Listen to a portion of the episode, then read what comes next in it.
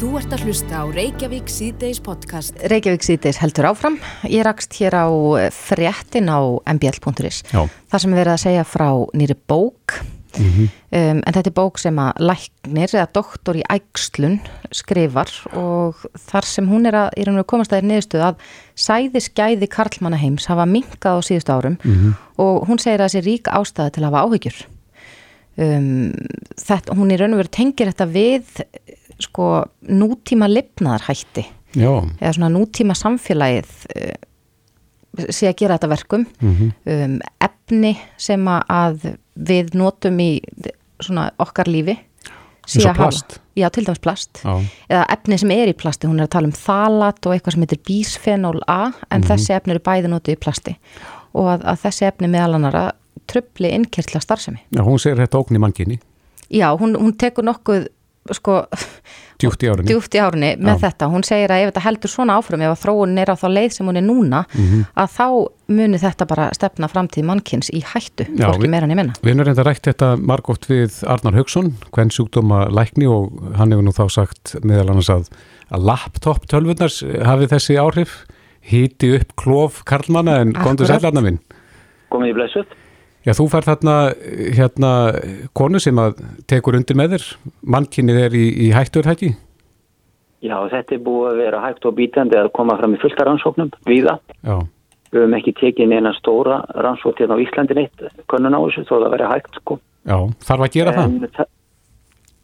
Ég veit ekki hvort að við græðin eftir umfrattan sem komið er. Það var þá genið með að við hefðum einhvað tilefni til þess að koma með bætiefni mm -hmm. sem getur lagað þetta. Hún talar hér um... Þetta er, þetta er, men, þetta er, men, ekki, þetta er menningar og mengunar orsök fyrst og fremst og plastið er ekki bara ofinu þarna heldur við dreifast um öll lífhærin okkar. En, en, en hvað meinir þau með menningar? Hvað er það í menningu okkar sem að orsakar svona að? Sko það, í, sko, það er lifnarhættir, mataræði sem að, eh, er stór þáttur í öllu sem við gerum sko Mm -hmm. Það er annars vegar læknisfræðileg hlutir eins og eistu sem auðvitað gengir nýður, tröflun og hormónum, eh, þannig að galli í þarna eh, flæði, skemdir eftir síkingar, ákveðni sjúkdómar sem að geta gert þetta, livjanótkunur og svo leiðis og miklar þarna vakstarhormón, bætiefnahormón í, í, í ofgnótt, allt þetta getur rætt áhrif. En í heildina er ekki allir á þessu, það er lítlir hópar hver fyrir sig. Mm -hmm. Hún talar um... Innarefni sko eins og þú ert að tala um með bensin og, og herbesít og, og uh, rótarnarefni, lífran upplustnarefni, málingavörur og svo framvis og framvis sem að hafa áhrif á léleiri framlöslu sæðisfruma. Mm -hmm. Hún talar um rannsókn læknisfræði deildar Mount Sinai spítalans þar sem kemur fram að sæðismagn Karla á Vesturlöndum hafi fallið um 59% millir árana 1973 og 2011 og ef að þróunin haldi svona áfram að, að þá, þá myndi það þýða að meðalmaðurinn framlendi ekkert notæft sæði. Er þetta raunin? Ég deili kannski ekki alveg þessari, sko, þessari sterkum áráðið sem að hafa smá von fyrir mannkynni. Sko. Mm -hmm. Það dögir að vísu einsæði fyrir maður sem er helbrið til þess að frúka ekk. Já en það er talið um að þurfu að hafa svolítið nokkura miljónu til þess að við telja þróur. En við erum að lifa í algjörlega nýju umhverfi. Það er vitað frá svona nokkur rannsókn sem hafa verið gerðara að fólk sem lifir í lambúnaði við þó að sé álag og andlegt erfiði og sjómenn sem að lifa á, á, á drugri fiskifæði þeir hafa betri sæðisframlöfslug og reyfileika heldur en við sem sittum á raskatun allan daginn og, og, og vinnum á, á tölvum og hei lítið umhverfu og reyfum okkur ekki. Já, hefur reyfingin áhrif á sæðisframlegslu? Já, sko, reyfing og, og líkafsvöðva notkun, hún eigur svo lengi sem það er heilbreytt upp á vissu marki mm -hmm. á svona heilbreyttu færi. Já, en þú er líka að tala með hítin, hann er óvinnu sæðisins eins og það setja lengi með, með kjöldu tölvu í, í kjöldunni og og hýta upp klófsvæðið, en, en hvað með til dæmis heita potta líka og slíkt? Já, já, það er sko gufa, heiti pottar draga og reymalega sæði frumana og gera það latar sko já. og það getur ennstansi lengi sko vinna við uh, eldstó og, og í eldúsum ef þarna stanslu siti getur hægt á framlýstunni þegar þú kemur heim og allir að fara að frjóka konuna mm -hmm. að fullka þessum litlu þáttun sem við tökum ekkit ettur á daginn mm -hmm. Svo í geyslunni sem við löndum heims og svo það er umræðan það í Japan eftir að kjarnangu verið sprakk hvort að frjósum er kallat í svæði sem það voru, við minkað sem og hvenna líka þeir eru að vinna rannsóknum á því en það er ekki komin að niðurstöðu frá hann ennþá Nei, en, en hver er staðan hjá hinu kynnu? Eru er, er konur að verða ófrjóri líka? Konur eru kannski ekki að verða ófrjóri að því leytinu til að það er framleiða hlutværslega álíka mikið af uh, ekkbúum en svo áður mm -hmm. En það er algengar um það að það sé færri um fara að reglulegu meglur sem þurfu svolítið meira til. Við sjáum þá mjög vaksandi fjölda fólk sem og para sem leiti glasafrókanir og teknifrókanir Já, já. En þeir sem eru að reyna núna að, að vekna spöld og þá tölum við kannski sérstaklega um karlana er ráð fyrir þá að kæla sig áður en þeir vaða í verkefnið? Ég er ekki við sem þeir fari í ganga, þeir eru mjög kaldir sko. en heilbriðt líf og, og, og, og svo bara það að eiga tíma til þess að vera saman. Já. Ég, að setja ekki með skeiðklukkunum til að sjá akkurat núna haldi mánu að sé frá, það er alveg eitur líka. Mm -hmm. Þá kemur stressmomentir í báða aðeilina. En reykingar og mikil alkohanotkun og allt slíkt sko, forðast það á þessu tímabili og láta ástinnar á það. Þannig held ég að gangi best. Hafi þetta náttúrulegt það er ráðum ef það dugir ekki. Já, þetta eru góðu fæði og góð... miklu fiskifæði. Akkurat, já, mikið fiskifæði segiru já. já. Þetta eru góð ráð og fín lokaorð. Arnar Haugsson, hvern sjúkdómanleiknir kæra þakki fyrir þetta. Takk ykkur. Þú ert að hlusta á Reykjavík C-Days podcast. Reykjavík C-Days, það eru bæði góðar og slæmafréttir í dag af eh, bólusetningamálum Það var sagt frá því fréttum að stöðva þarf tímabundi bólusetningu með bólefni AstraZeneca þar sem að eh, aukaverkanir hafa greinst og þar kemur blóðtappi við sögu í einhverjum tilfellum. Þórólu Gunnarsson, sótarnalegnir er á línu, kom til sæl. Já, sæl. Já, þetta er óheppilegt í það ekki að, að það þurfi að stoppa bólusetningu með þessu öfni. Jú, jú, en, en ég hef svo sem verið að vekja all af því og þetta er ekki óvænt að það er að þegar, bara þegar við erum að bólusetja svona marga í einu að þá uh, kemur all, koma alltaf upp einhverju sjúkdómar sem að tengjast bólusetningur í tíma og, og þá vakna spurningin er þetta raunveruleg tengsli ekki. Fólk er náttúrulega veikjast að fá alls konar sjúkdóma alla daga og, og við þurfum bara að reyna einhvern veginn að sjá býtu er þetta orsakarsamhengi eða ekki og ef við tökum svona marga í einu þá þá vakna þessar spurningar ofta og eiga eftir að vakna aftur. Mm -hmm. Er þetta bara tvö til, tilfelli sem að umræðir? Já, þetta eru fleiri eftir því að við erum ekki búin að fá alveg endalega niðurstöðu frá lífastofnun Evrópu en þetta eru tvö döðsföll mm -hmm. sem að tala um eitt í Östuríki og eitt í Danmarku og svo er enda að tala um fleiri tilfelli í Evrópu eh, eitthvað það er að vera að tala um eitthvað 20 tilfelli af 3 miljónum bólusetninga og við möttum bara sjá býttu hver er, er undirliggjandi tíðni á blóttappa þá var ekkert verið bólusettu hvað, hvað eru margir sem að fá blóttappa bara á hverju ári og hverjum tíma? Mm -hmm. þurfum, það þarf að skoða það og þannig við þurfum að fá mat á þessu. Og þess vegna vildum við rétt að meðan að þetta konu bara rétt í morgun og vildum fast rétt að stoppa þetta núna meðan við varum að fá aðeins betri botni í þetta. Setur þetta eitthvað stryk í í hérna dagatalið góða það sem að, Nei, og það sá allir.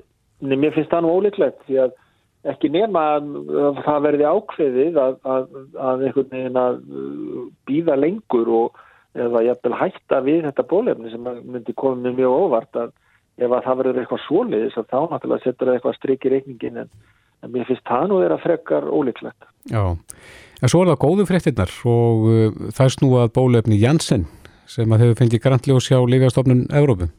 Já, já, það er bara fínt og við vorum náttúrulega búa, bara búast við því, menn að bandrækjumenn eru búin að samflíkja þetta fólefni og nú e, byrjum bara spenntur eftir að fá dreiningar á allir frá þeim og hvað fáum við mikið að bólefni og hvernig kemur það? Já, það er búið að gera samninga þætti um 235.000 skamta? Já, já, og það þarf eitt skamta því bólefni.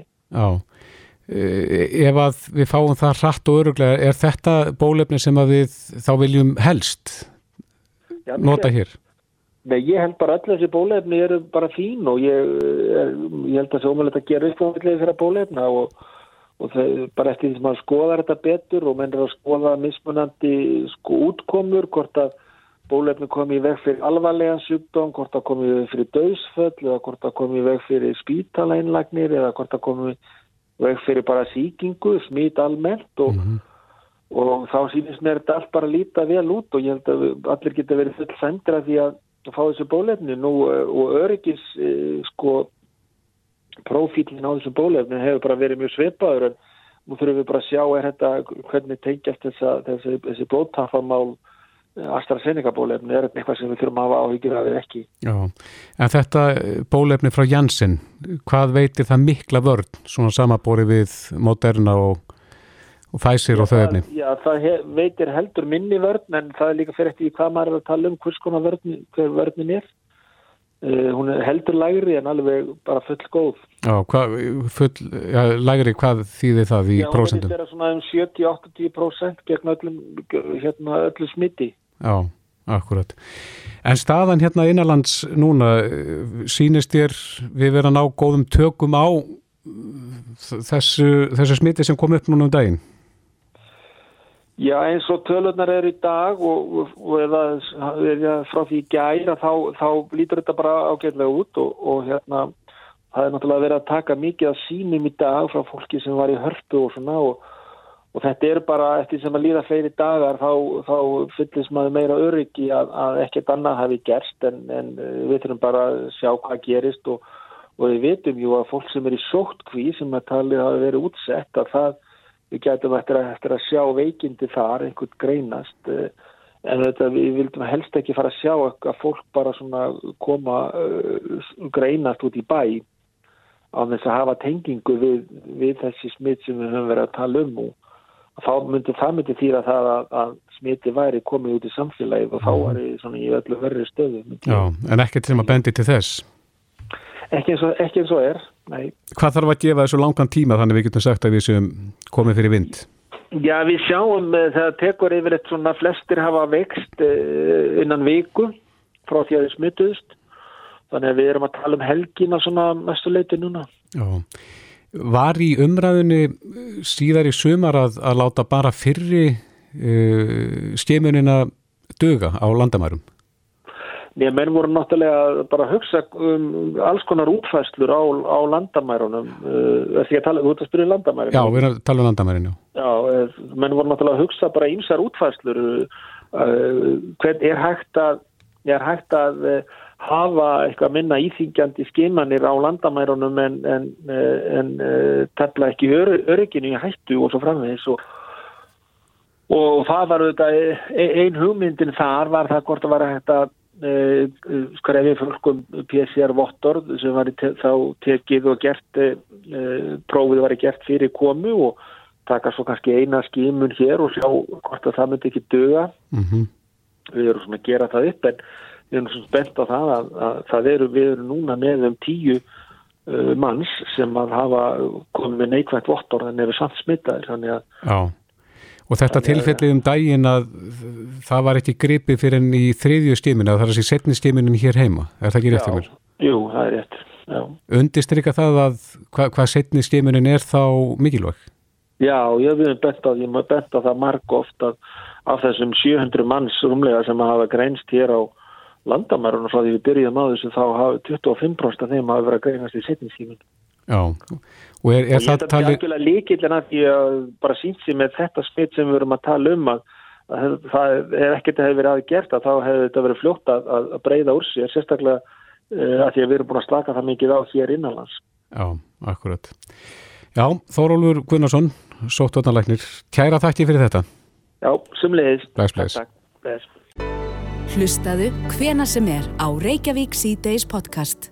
Það er mikið að gera í þinginu, enda mörg mál í gangi og, og kannski um margt einkennilegt andrumsloft þar sem að e, jarðhræringar og, og COVID samanast um það að hafa þetta mjög óvinnilegt allt saman í læginan og þó utan dagskrarumra á þingi ber yfirskriftina eða vera í allarsvarsbandalæginu eða ekki. Ísland og NATO herin burt, þetta hefði maður fyrir sko á síðustu einhver tíman en, en þetta er ekki liðið úr hugum fólks greinilega en Guðlúð Þór Þórðarsson, þú, ert, þú svaraðir þessari beini að sjálfsögðu og, og, og, og það er Ísland og allarsvarsbandalagið. Já, þú nefndir einmitt uh, svona, uh, þá stöðu sem við búum við Íslandingar. Við erum að að virkri eldfjallægju og við þess vegna erum við ávalt að hugað öryggi okkar og þá er það sem er kannski held ég efst í huga okkar er það þegar að koma jarðhæringar og þessi hluti sem þú nefndir. Og eh, við höfum byggt upp öflugt kerfi og viljum alltaf styrkja þá efla vegna þess að við viljum tryggja e, öryggi okkar borgara.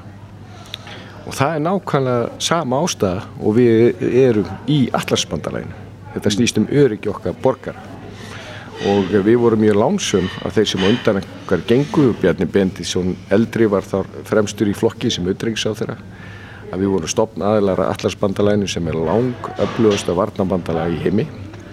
Það var mjög fassal ákverðun og uh, það er mjög mikilvægt að við höldum áfram að uh, vera í því bandalagi og uh, starfa þar á þeim fórsendur sem við gerum, við gerum það borgarlega. Vegna þess að við viljum tryggja öryggi okkar borgara. Mm. En í senn, Guðlugur, þá hefur heimsmyndin breyst. Eh, rússar á, og bandarækjaman sko, stóðu gráður fyrir hjálpnum anspennis hvoröðrum. Maður tekur það bara svona á götu máli. Eh, það er komin það eru komin önnur sam, samböndaríkja í millum og, og það eru kynverinn rís í austri og og maður, maður les þetta svona út úr heldarlínunum í utanrikismálum veraldar. Er engin ástæða til þess að, að staldra við þegar við komum allars bóndalaginu og spyrja hvort þetta sé rétt að myndin á samstarfinu? Við höfum alltaf að, að spyrja gaggrýna spurninga. En því miður hefur öryggis umhverfið okkar uh, breyst til hins uh, verra. Og þá sérstaklega eftir innlimum uh, rúsa í Krímska þá er ég að tala um svona nágrein okkar og þess vegna er alla þær þjóði sem berum okkur sama við, ekki bara í allarsbandalæginu að efla okkar, efla sínar varnir. Það er alveg samstæðan það innan bandalagsins að gera það en síðan eru líka til dæmis með þjóðir eins og finnar og uh, svíjar, vinir okkar þar sem eru ekki hlutlösa þjóður heldur utan hernaðabandalag er reyndar nánustu samstagsíki allarsbandalagsins að þær eru sömulegis að stórefla sína varnir. Mm. og það er núna er leikur fyrir mesta aukning í, í, til varnamála hjá Svíþjóð frá eh, árum 1914 og þeir hafa tekið upp herskildu aftur, aftur og er að, er að auka það svo einhver dæmi sér tekin. Eh, vegna þess að því miður er hlutnir ekki eins og við viljum hafa þá og uh, það er eina af ástæðan það er ástæðan fyrir að menna uh, leggja meiri áherslu á þessa hluti. En síðan ertu líka að sjá aðrar ógnir eins og fjölþóttaógnir og netógnir og, og annað slíkt. Og þar er við sömulegis að, að starfa með bandalagstjóðum okkar til að, að styrkja öryggi okkar og huga ennu aftur sem er grundvallatri mm. að öryggi borgar okkar En nú er norðrið komið inn á landakorti heldur betur og það, já, sumpart fyrir tilstilli ákveðina ráðamanna hér, mm -hmm. uh, hér á landi. Uh, við sjáum að, að þjóðir heimsins hafa áhuga á ráöfnum norðursins og, og sækjast í það að hvað sem á dreymir um það þjóðarleitóana að komast yfir Grænlandi eða eða leia eða, eða hvað sem er eh, hefur þessi þessi áttun eða, eða þessi aðtikli sem norðrið er komið í eh, áhrif á örgismál okkar sem erum hérna rétt undan norðrinu, getur við sagt. Já, við erum myndið að sjá, það kemur ekki að góð, til að góðu, það kemur út á loslagsbreytingum að þá erum við að sjá það að það er ímislegt að breyta eh, á, breytast á norðurslóðum og við erum norðurslóða þjóð og uh, það er nú þetta verið þannig mjög lengi að Íslandi er mjög strategist mikilvægt en það verður meira mikilvægt eftir því sem að til dæmi siglingalegir opnast við erum átt og uh, vitum það að þegar siglingalegin opnast í gegnum norðurskauti þá mun það styrta siglingalegin mellir Asi og Evrópu um 40% og það eru möguleikar á því að nýta allra handa auðlindi sem verður ekki hægt að nýta áður. Við höfum lagt á það áherslu og það er okkar megi markmið að þetta verði áfram lágspennu svæði en á sama tíma þá vitum við alveg að þarna eru líka ákveðin, ákveðinar, eh, ákveðinar ógnir sem við þurfum að, að líta til og við þurfum alltaf að vaði fyrir neðan okkur og, og uh, það er uh, aftur að huga öryggi okkar og það gerum við best með samstarfi við aðra þjóður í allarsbandalæginu. Mm -hmm. Akkur er þessi umræða í dag nú á í marsmániði 2021 e, ég svona í lokin, rétt eins og ég byrjaði spyrjaði þessu Já, það er ég bara beðin að taka þessu umræðu ég tek hana gladur Já. ég er alltaf tilbúin til að taka umræðu um mál sem, sem þessi og þetta um, um flest ef ekki öll mál en mm. uh, fyrir mér er þetta bara gott og það er mjög mikilvægt að við gleymum ekki ákverju við erum uh, í allarsbandalæginu, ákverju fórum í allarsbandalægið og það er mjög mikilvægt að því okkur finnst það svo sjálfsagt að við búum alltaf í öryggi og þurfum ekki að hafa uh, þessa áhyggjur sem marga þjóðir hafa sem að uh, búa við allt öðru í sig aðstæður.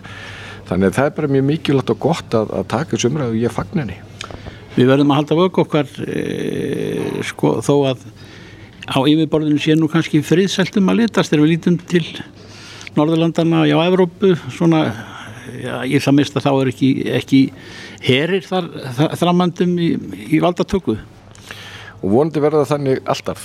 Og uh, það eru þetta markmið en, við, uh, við, en það gerist ekkert að sjálfu sér. Þau gildi sem okkur finnst verið sjálfsögð og uh, þá okkur sérstaklega okkur íslingum að búa bara við líðræði, réttaríki og margirndi við erum í minni hluta á jörðinni sem búum við þetta. Og því miður hefur þróun ekki verið í rétt átt. Við heldum að við verum að þróast í rétt átt. Og það segir okkur bara það að ef að þú tekur einhverju sér gefnu að þá áttu þá eru möguleiki á því að þú getur mis, mist af því. Og e, þessi gildi eru gildi sem við verðum alltaf að hafa í huga er ekki sjálfsögð, þau eru ung í mannkínsögunni og við hefum alltaf að gera allt hvað við getum til þess að eh, við halda því ekki bara fyrir okkur heldur tala fyrir því líka á ellendu vettvangi. Guðljóð Þór Þólarsson, takk fyrir. Takk sem leiðis Reykjavík síðdeis á bylginu heldur áfram. Það bárust nú fréttir af því í gær að læginu hann staða Freys, Eurovision læginu 10 Years, hefði verið lekið á netið og um, um tíma var hægt að hlusta á brotur þessu lægi, það reynda með einhverju mengun hann inn í en, en uh, netverið gátt hún að fengja svona góða mynda því hvernig lægi hljómar. Á línunni er Flósi Jón Ófengsson sem er formaður Fáses félags áhuga fólksum söngvakefni Evróska sjónvastöða, kom til sæl Sælublesaður Já, er þetta vanalegt að þetta gerist að lögum sér letið á netið?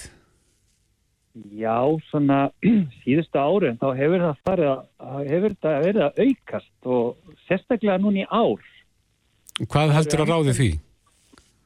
Já, þetta eins og Skarpín var að tala um hérna í dag að þá er þetta þá veit enginn hvaðan þetta kemur en hana, það eru einhverjir erlendir veðmilar að reyna að sapna þessu og, og þeim hefur tekist nokkuð vel í ár því að það er þó nokkuð lönd sem að hafa leikið áður en að frumflykningur er, er, settur í gang. Já, en segir þá okkur eitthvað um sko, áhuga á þjóðunum eða lögunum? Hvaða lögum er leikið? Að nú var Jack Dava mjög vel í fyrra í veðböngum og slíkuð? Ég, sko, ég held að sé nú engin svona regla með það en að sjálfsög er ansið mikið hæp í kringun daða því að hún var spáð góðu gengi fyrra og, mm -hmm. og lögunum í söngvakefni var náttúrulega lekið í fyrra. Þannig að, þannig að þetta er ekki fyrsta sinn sem þetta gerist inn á Íslandi og, og þar náttúrulega var læjan staða enga bá tengst Já. Þannig að, að, en ég held að þetta, þetta gæti tengst þessum veðböngum Mm -hmm. að þessi veðbonga séu kannski að reyna að þrýsta á að þetta leki eitthvað svolítið en, en ég heldin að segja að þetta hafi en, engin áhrif Nei. En hvaða móttökur hefur lægið fengið? E, bara rosalega góða móttökur en þetta, þetta eins og stæðir þetta er frekar skrítin útgáða þannig að kemur eitthvað inn á milli eitthvað rött Já, sem trublar þetta en það hana, hún hefur bara fengið nokkuð góða aðtegli með, með aðdánda mm -hmm. e, þetta að, að, að daði hafi aðeins lækkaði veifbungum held ég hafi ekki mikið að gera með lægi sjálft heldur bara að svissneska lægi sem að, að var frumflutt í gær er bara nokkuð gott og, og, og, og þess vegna hefur orðið þessi sætaskipti Já, hvað finnst þér svona persónulega um lægiðan staða? Um, sko, það, mér finnst þetta logo góðu og ég er bara hlakka til að sjá hérna heildar útkomuna vegna þess að staði og gagnamagni er svolítið svona, ef ég má sletta, það er þetta heila konsept sem er í kringum þau. Já. Og ég held að sko að þegar að það er komið þá mun, mun að kannski hækka aftur í webhökkum því að vinnan á bakvið þetta atri er náttúrulega gífurleg og, og, og, og eins og er búið að sína í þáttum á rúfa að það er hugsað um alla kanta í þessu atri. Já, þannig að dansin hans vakti miklu aðtekli á þeirra, vakti miklu aðtekli fyrra? Jújú, jú, og hann hefur gefið það út að það verður dans á heims mæli hverða. Já, og þetta verður frumflutt, er það ekki á lögadaginn? Þetta verður frumflutt á lögadaginn í þætti sem heitir Ströymur og, hana, og við ætlum að hittast aðdæðandur og hérna náttúrulega samkvæmt öllum sóttarna reglum og svo leiðs og ætlum að horfa á úslitin í sænsku keppnin í leðinni og, og, og hérna og hérna hlökkum mikið til að heyra stað á gagnamagni hérna, þetta demo, ég myndi bara eiginlega að segja þetta demo þetta, þetta lag sem við heyrðum í þessi bútur sem við heyrum á læginu Já, akkurat. Eitt kannski rétt í lókin, það bárust fréttir af því að Kvítarúslandi hafi verið vikið úr keppninni Já Er þóttu á pólitískir? Já, þetta virðist stundum gerast í þessum gömlu sovjetríkum að, að, að þeir, þeir vilja eiga, eiga það til að fara svolítið út í, í pólitískar eh, pólitísk málefni eins og Georgi á sínum tíma þau, þau, þau hann semdur lag sem að hétt We don't need no Putin mm -hmm. We don't wanna Putin eh, hana, og, og hana, þannig að þetta er ekkit einstæmi en, en hana, EPU er náttúrulega bara með sína reglur sem þeir þurfa að fara eftir og þarna er greinilega Kvítarúsland á einhverju gráu svæði. Já, akkurat. En það verða vantilega margi sem býða spenntir eftir því að sjá svona heildar útkomuna hjá Dada Frey og, og félögum á lögadagin kemur. Já, við erum fann að plana hvernig þetta verður í Reykjavík 2022. Akkurat. Já, já. Áfram Daði. En Flósi Jón Ófeksson, formaður Fáses, takk fyrir þetta. Takk um leið. Þetta er Reykjavík C-Days podcast. Reykjavík sýtis á bylginni heldur áfram. Uh, greiningadeild Ríkislauglustjóra var að gefa út skýrslu en þessi skýrsla fjallar um ofbeldi gegn öldruðum en rannsóknir benda til að slikt ofbeldi sé falið, sjaldan tilkynnt og enginni þess ofta ekki þekkt. Já. Það kemur líka fram í, í þessari skýrslu að, að já, ofbeldi gegn öldruðum hafi aukist í, í COVID ástandinu mm -hmm. og að það sé tímabært að skoða stöðu þessa hóps eins og hún er í dag. Já. Á línunni er Runolfur Þóraldsson, yfirmað greiningadelta Ríkislauglustjóra. Kom til sæl. Sælverði. Hvað rak eitthvað til þess að gera útækt á þessu málaflokki? Herðu, þetta hóst með því að, að Ríkislauglustjóri og, og, og fyrirvændar áþra og Harðardóttir voru fengið til þess að, að hérna, taka sér verkefni sem að, að var hótt til í byrjun COVID á, á síðast ári að taka, að, að reyna að setja eitthvað sína á, ábeldi út af þessum faraldri sem að, óhjákamilega raungerðist, við sáum það í okkar tölum, í heimilisóbeldist tölum hjá lauruglu að ábeldi jógst eftir að, að þessi blessaði faraldur byrjaði. Mm -hmm. En eh, þið eh, í raun og veru skoði þetta það er ekki langt síðan að þið gafu út skýrslur sem tengist sko ofbeldi gegn fölluðum en þið eru í raun og veru með einhverjar tillögur af úrbótum ekki satt? Jú, við eh, sjáum að helsta leginn til þess að, að nálgast hennar vanda sé samvinna margra hérna, þjónustæðila og, og, Við nefnum að sjálfsögur náttúrulega horfum til okkar sjálfra, horfum, byrjum á því náttúrulega, horfum inn á því hvað getur við gert betur og, og en bendum á að við þurfum að eiga gott samstarf við hilsugjastluna, við slísadöldina, við félagsstjónustuna, starfsfólk á, á dvalar og hjókunarheimilum og, við þurfum að vika vitund og þekkingu þar til þess að greina þessa vísbendingar og þessi merki um, um, um álbeldi gegn öldruðum. Að, að fræðsla, vitundarökning og, og, og hérna myndi, myndi bregða betri sína á, á vandan já, eins og kemur fram í skýslinu hjá okkur og þá er þetta alltaf dölin vandi og það eru, það eru svona eins rástaði fyrir því Já Rúnaldur, hverjir eru það helst sem að beita aldraða ofbeldi? Er þetta ættingjar eða er þetta starfsmenn á þessum dvalarheimilum eða hverjir eru þetta?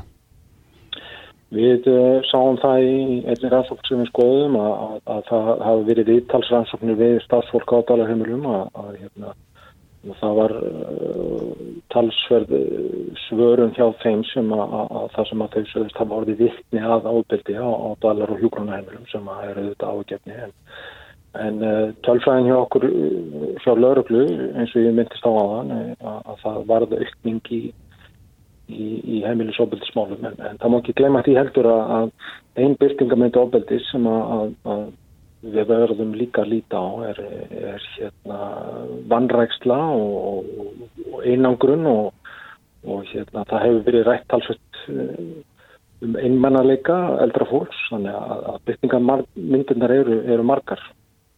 Mm -hmm. En eitt af því sem þið leggið líka til er, er að, að það verði gerð sá, bakgrunnstjekk á þeim sem að starfa á uh, dvalar og hjúkunaheimilum. Er þetta ekki gert í dag? Þetta er ekki, ekki gert með kannski nú markvæm sem hætti. Hérna, við sjálfsagt vitum það að, að, yfirmenn á dvalar og hjúkunaheimilum er að gera sitt allra besta. En það væri, væri skynsanlegt að, að mati okkar að við myndum uh, form gera samstarf eins og, eins og myndist á aðan allra þessar aðalega sem að, að koma að þessum málaflokki. Og eitt af því væri að það væri einhvers konar samstarf um, um bakgrunnsskoðanir á, á, á þessu starffólki það þyrti þá að gera náttúrulega í samræmið við persónu vendalögu og, og, og við þurftum að hafa skýran lagaramma utanum utanum slíka skoðanir en, en við teljum þetta eitt á úrveðinum sem að geti hjálpað. Já, hvað gerist núna? Nú er þessi stísla komin og hver verða næstu skref?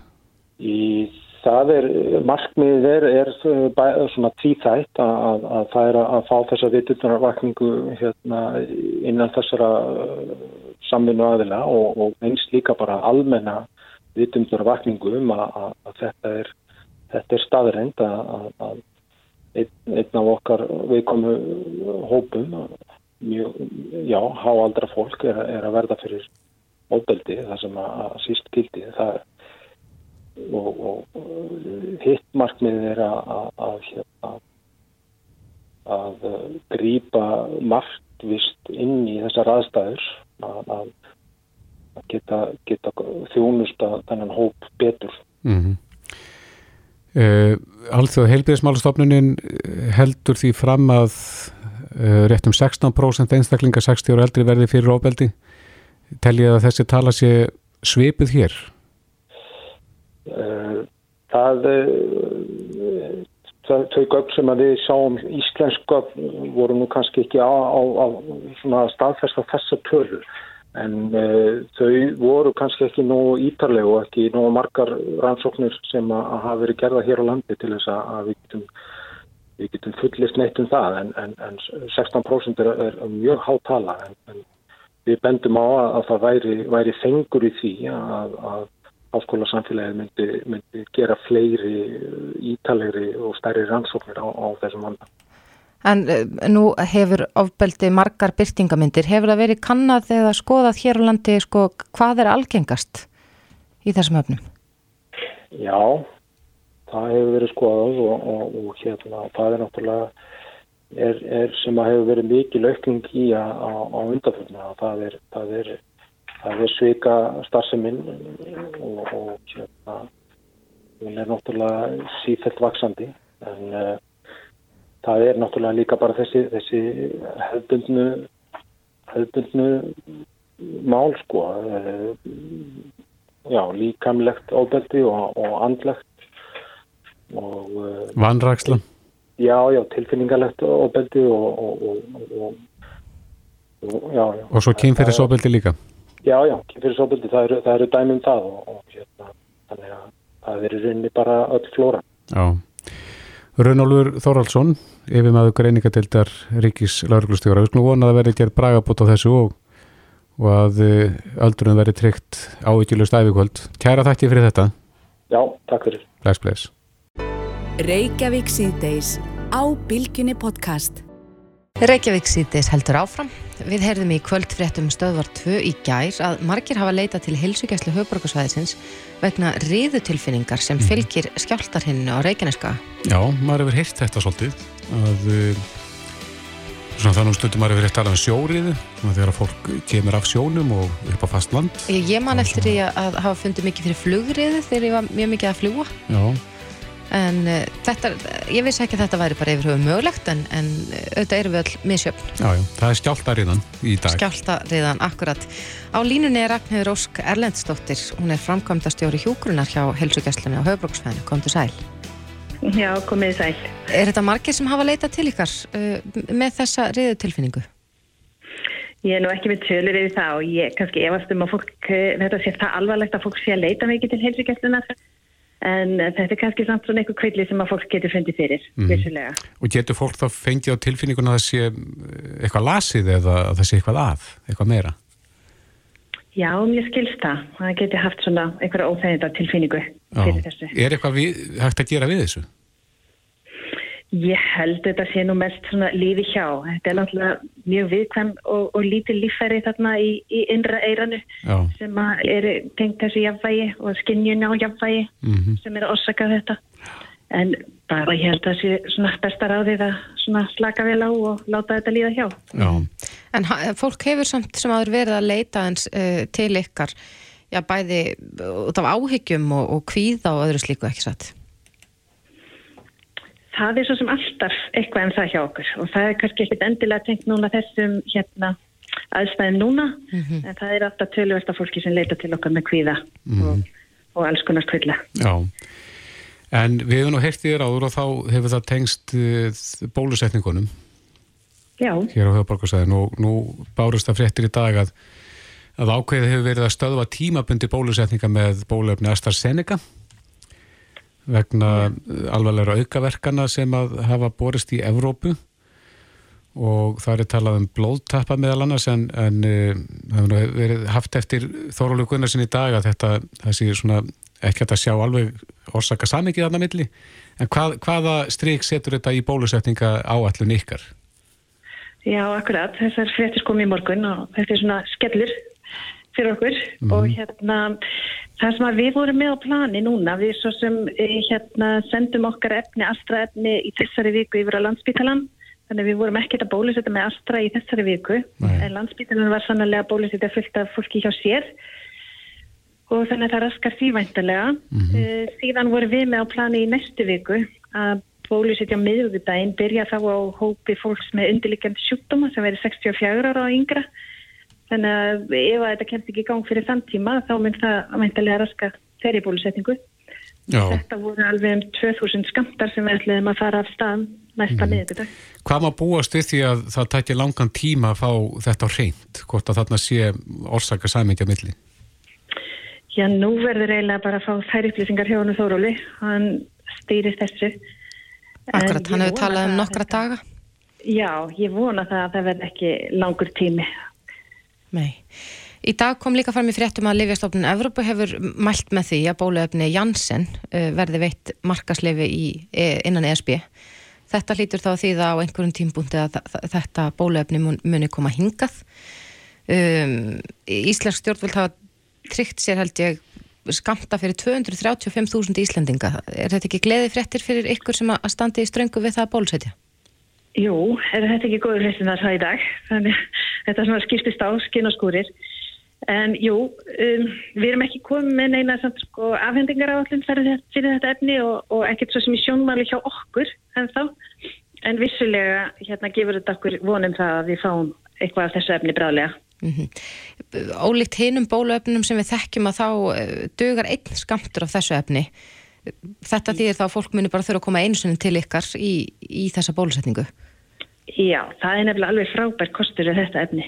Þetta er gífurlegt utanumhald og, og hérna að reyna að passa upp á allir komið tvísvar og, og passleg hérna, tímalengd á millibólusetninga þannig að þetta verður gífurlega léttir fyrir okkur þegar það er bara eitt skipti. Mm -hmm. Hefur eitthvað, heyrt, já, hefur eitthvað heyrt af þessu efni? Erum við að upplifa einhverjar aukaverkanir af, af Janssen? Ég hef ekkert heyrt, nei, ekkert sem að hérna eitthvað sérstakt með nei. það, nema bara þessi gott efni. Já, og það mun einfald að þetta ferli segiru til muna? Já, til muna. Þannig að við lökum mikið til að fá Jensen. Já, en hvernig hefur annars gengið? Hefur þetta gengið alveg smurt fyrir sig svona fram til þessa? Þetta hefur gengið bara mjög vel og núna erum við búin að færa okkur hann yfir í höllina og komið þar upp með bara mjög gott sístem þar sem bæði heilsugjastlan og, og, og slökkulegðið og lauruglan taka höndin saman og, og láta þetta ganga alveg svakalega vel. Er eitthvað um það að fólk sé að aftakka bólöfni eða bólusetningu? Það er alltaf eitthvað en það, en alls ekki mikið. Og það er bara svona rík bólusetningar hefð á Íslandi. Íslandingar eru hérna vanir því að, að láta bólusetja börnir sín og fara í flensubólusetningu og, mm -hmm. Og þetta þykir ekki tiltökum ál að því bólusetningu. En er fólk að setja eitthvað fyrir sig hvaða bólöfni það fær? E, einstaka eru að reyna að velja, en það er aldrei í bóði hjá okkur. Er, og við erum bara að vinna með eitt efni í einu og, og það er aldrei þetta að velja. Nei, akkurat. Já, við segjum bara gangið ykkur vel áfram og við skulum vona að þetta stopp verði stutt með AstraZeneca. Ragnhildur Ósk Erlendstóttir, frangvotastjóri Hjúkunar hjá Helsugjæslan og Höfabrókarsæðinu. Takk fyrir þetta. Já, takk sem leiðis. Reykjavík síðdeis á Bilginni podcast. Það gengur mikið á í skólamálum.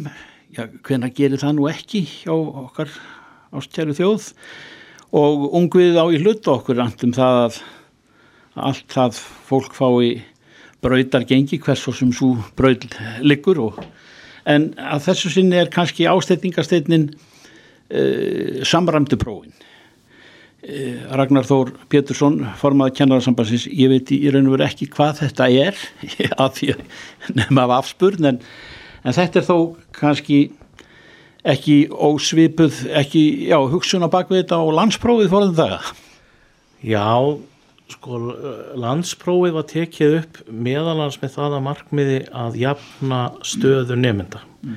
það væri til próf og það væri óháð því hvað fjölskyttuð kæmir eða ríkri eða fátækri ætt eða góðum bæ í þingjasíslunum eða, eða koti að þá ættir allir sama rétt á að sanna að þeir væri færir um að fara til langskólanáms. Og þetta var óskaplega göfugur tilgangur og, og próf, skrifleg próf voru bara ung á þessum tíma, þau höfðu ekki verið með örfa áratíi sem fyrirbæri því að eins og við þekkjum var, var námsmati var munlegt, við voru teknir á upp og látnir útskýra þannig að þetta var, þetta var breyt, breyting og bylting svo, svo líður tímin og við fáum fram rótækari, rótækari svona menta hugmyndafræði þegar það fyrir að líða á, á 7. og 8. áratíin mm. og og þá í raun og veru renna saman í eitt landsprófið og gagfræðaprófið. Það var í raun ekki lengur hægt að greina á milli og það var ekki lengur í raun verið að reka tvö mentakerfi hlið við hlið, eitt fyrir söðsortan almóan og eitt fyrir þá sem ætluði til aðri menta og, og fýtna ennbæta. Og þá voru samrandi prófin tekinu upp, þau hafa síðan enn breyst uh, og nú heitaðu könnunarpróf. Ekki samrænt próf eins og þú héttu bara fyrir til til að fá um árum síðan heldur samrænt könnunapróf þau eru ekki tekin í lok námsferilsins heldur þrísvarsinum á námsferli nefnandans og hafa fyrst og fremst að hlutverk í dag að gefa nefnandanum tækifari til þess áttast því hvar mögulega skóin kreppir og bregðast við en ekki sem dómur um nefnandan heldur leðsögn og þar er þetta núna og hefur þetta verið fjörug umræðum það hvort við gegnum þessu hlutverki eins og þú ætti að gera eða hvort við ættum að hugsa hlutinu på nýtt mm. Þetta er rætt innan ykkar við banda hérna hjá kennarasambandinu eh, og menn ekki á eitt sáttir Ég held í raun að hafi aldrei verið meiri samhljómur í samfélaginu um það hvernig, hvað möguleika búi því að breyta námsmatinu, samrænda námsmatinu.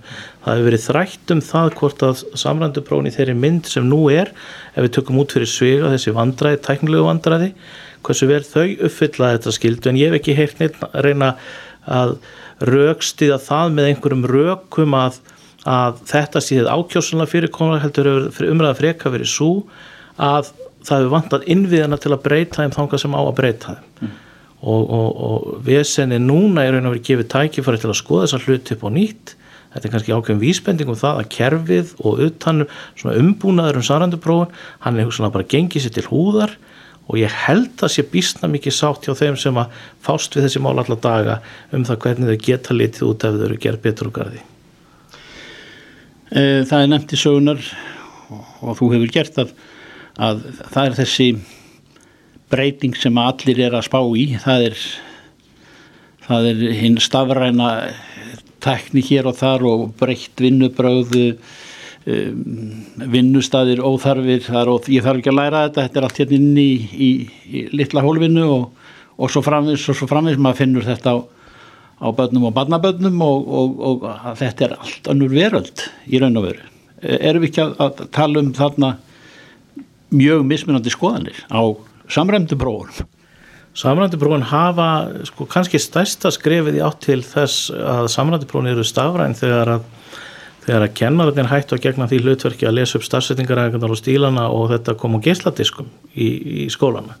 Þannig að þau eru alveg stafræn fyrir bísna löngu það sem hins vegar hagræðið sem að fólst í því að hafa prófin stafræn þannig að, þannig að niðurstöðu lægi fyrir um leið og, og prótöku var loki og þurfti ekki að setja fjölda fólks í marga vikur við að fara, handfara við próf. Þetta er bara svipað með skattaskísluna að sko, það vil engi snúa tilbaka og setja mörg kvöldi við skattaskíslunni við eldursporðið og fylla henni allar reytina allar tölur, þannig að ég held að sé engin ágreiningur um það, spurningin er bara svo hvort að eitt próf tekið setjandi í marga klukkutíma sem á mæla fjölbreyta þætti hvort þetta sé skinsanlegasta og, og, og ábyrgasta leginn til að mæla stöðu nefnda ef hugmynd er sannlega svo að nefndu geti síðan brúðist við.